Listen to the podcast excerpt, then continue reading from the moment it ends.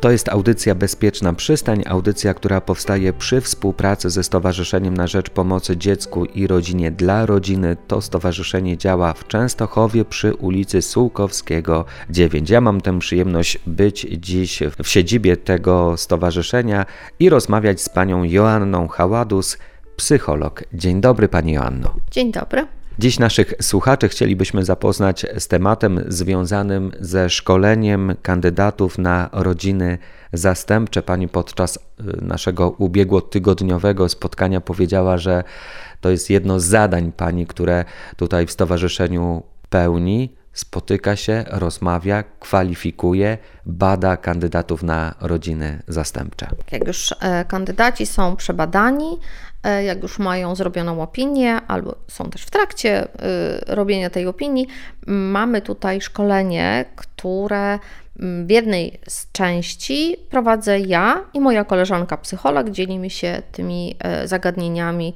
a po połowie, tak mi się wydaje. Moja część dotyczy kilku takich zagadnień, które mogą, ale nie muszą się e, pojawić w rodzinach zastępczych.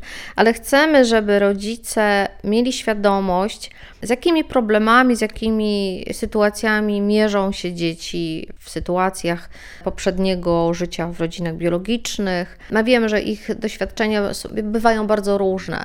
Część dzieci traci rodziców, część dzieci jest e, półsierotami lub sierotami niewielki odsetek, ale zdarzają nam się dzieci, które przechodzą przez żałobę, przez cały proces straty. A większość naszych dzieci przechodzi przez trudne doświadczenia e, w rodzinach biologicznych, gdzie doświadczają bardzo licznych deficytów, zaniedbań bardzo szerokim zakresie. I ponieważ część rodziców e, zastępczych jeszcze nie jest świadoma, nie do końca e, może wie, przybliżamy im te tematy. Pierwszym z tematów jest takie zauważenie, jak dziecko, zwrócenie uwagi, przez jakie etapy przechodzi asymilując się w nowym domu, na co zwrócić uwagę, czego można się spodziewać, jakie są fazy tego mm, zapoznawania się w nowym domu. I to nie ma znaczenia, czy ta rodzina jest znana temu dziecku, czy nie. Te fazy są e, bardzo podobne. I później są takie też duże dosyć działy dotyczące na przykład zaburzeń związanych z faz co też często się zdarza. Dzieci doświadczają już w okresie płodowym zatrucia alkoholem, lekami lub innymi substancjami i ich y, życie jest troszeczkę inne.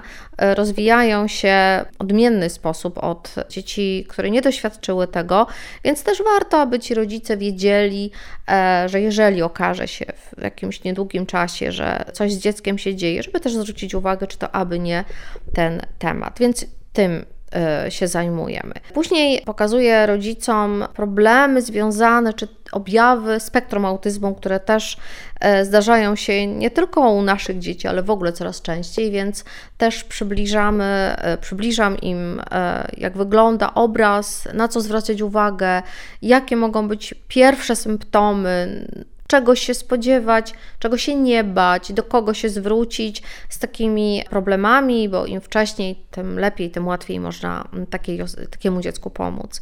Zajmujemy się też e, problematyką dorastania specyficznego w relacjach e, z nowymi rodzicami, w nowej sytuacji.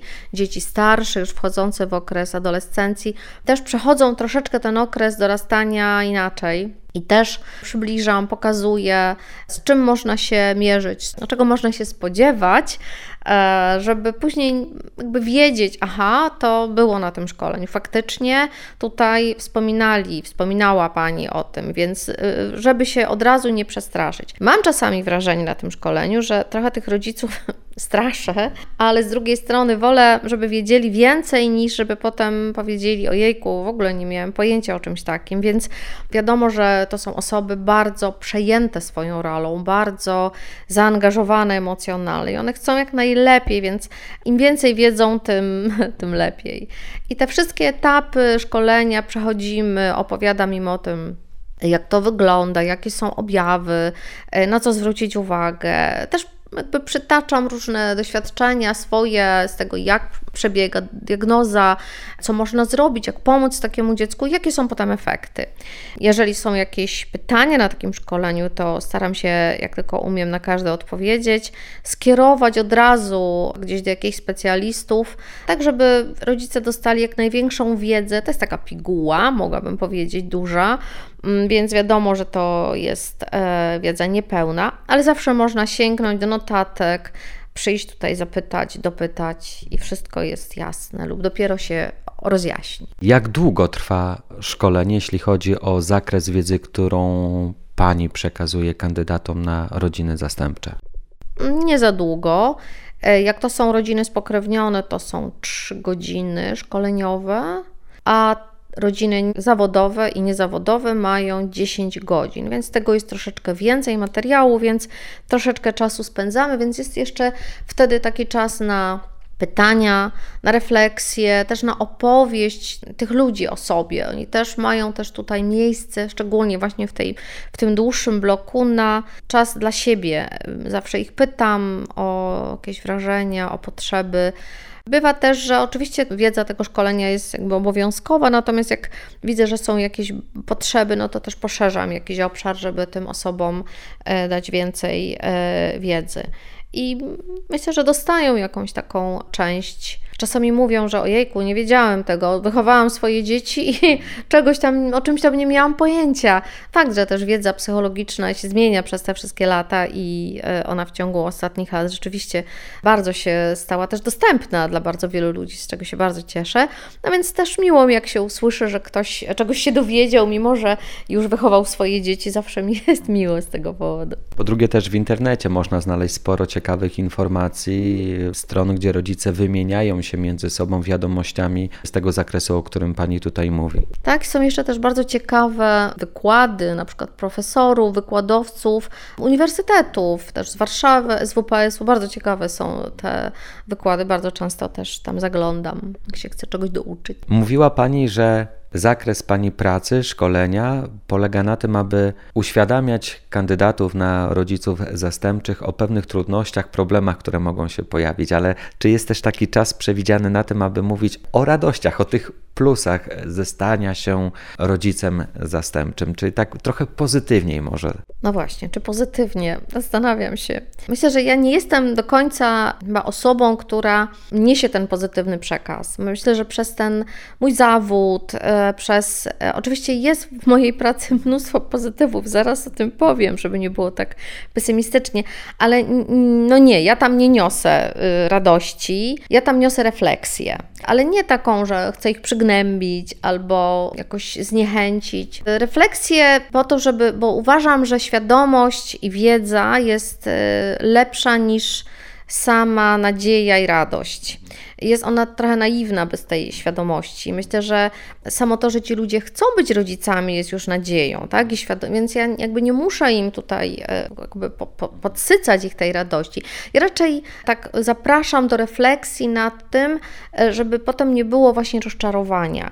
I w ogóle przez wszystkie lata swojej pracy uważam, że e, świadomość, wiedza, poszerzanie, mm, choćby nawet o trudne zakamarki życia, świadomości na temat różnych aspektów życia jest lepsze, bo wiem, skoro wiem, to mogę poszukać. Skoro jestem świadoma, to mogę się o coś zapytać. Jak udaję, że jest wszystko dobrze, to żyję sobie w takiej bańce, która w niedobrą stronę moim zdaniem prowadzi. Dlatego mówię, no z tą radością to tak może Świat się zmienia, ludzie się zmieniają. Czy zatem zakres tych szkoleń wygląda inaczej dziś niż na przykład 5-10 lat temu? 10 lat nie wiem, jak było, ponieważ nie, nie, nie pracowałam tutaj. On jest określony w takim naszym zakresie, wiemy co robić.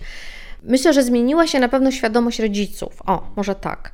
Wiedza y, jest wiedzą, więc tematy, odkąd tutaj jestem, są bardzo podobne. Natomiast to, o co pytają rodzice, jest y, inne. Ja już nie muszę tłumaczyć pewnych rzeczy i opowiadać, że y, to jest jakaś wiedza nie wiadomo skąd, tylko my już jesteśmy na zasadzie, my się wymieniamy, oni wiedzą, ach, tak, tak, tu mam taką diagnozę, tu słyszałem, o to niech pani powie jeszcze o tym, bo to mnie interesuje.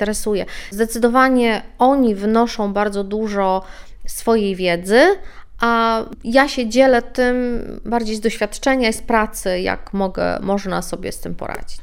Jeszcze jedno pytanie. Czy po zakończeniu szkolenia istnieje jeszcze jakaś e, możliwość współpracy pani z rodzicami? Wykonaliście zakres tematów, który był przewidziany na szkolenie, i później jest tak, że każdy się rozchodzi w swoją stronę. Czy jest taka szansa, że gdy się coś pojawi, jakiś problem, jakaś trudność, jeszcze może coś trzeba przegadać w cztery oczy, czy jest taka szansa? No przede wszystkim jest taka moja tutaj e, praca na tym polega, czyli szkolenie szkoleniem. Ja ich tutaj jakby zapraszam, jedną z tym z wielu szkolących. I oczywiście na każdym szkoleniu jest zaproszenie do współpracy, do umawiania się na spotkanie, czy sami dorośli, czy z dzieckiem, czy z dziećmi. Absolutnie to dopiero początek mojej pracy z nimi, wstęp, a później, jeśli potrzebują, no to oczywiście, że korzystają i jestem tutaj do dyspozycji. Przy czym też warto dodać, że ja tutaj konsultuję nie prowadzę terapii, nie prowadzę diagnozy, ponieważ nie mamy tutaj ani narzędzi, ani możliwości, żeby specjalistyczne, y, na przykład diagnostykę tutaj specjalistyczną prowadzić. Są od tego miejsca i my do tego miejsca, ja na przykład od tych miejsc kieruję. Wiem, w którym miejscu, kiedy też słucham osoby, rodziny, no to wiem, gdzie to osobę skierować, do kogo, do jakiego specjalisty to dziecko z tym rodzicem powinno pójść, co powinno być zrobione, jakie badanie, jaka diagnostyka, jaki specjalista powinien się tym dzieckiem zająć. I wtedy też już jakby z takim pakietem stąd wychodzą konsultuję, też mam takie cykliczne konsultacje, ale nie terapię, tak? Pomoc, wsparcie, towarzyszenie. Spoglądam na zegarek. E, czas naszej audycji się już skurczył do minimum. Musimy lądować, Pani Joanno. E, jeszcze raz bardzo dziękuję za to drugie spotkanie w audycji Bezpieczna Przystań, audycji Stowarzyszenia na Rzecz Pomocy Dziecku i Rodzinie dla Rodziny, gdzie przy tym stowarzyszeniu Pani Joanna Haładus jest psychologiem i tak jak słyszeliśmy prowadzi m.in. szkolenie szkolenia dla kandydatów na rodziny zastępcze. Pani Joanno, kłaniam się nisko, dziękuję pięknie. Dziękuję również, pozdrawiam.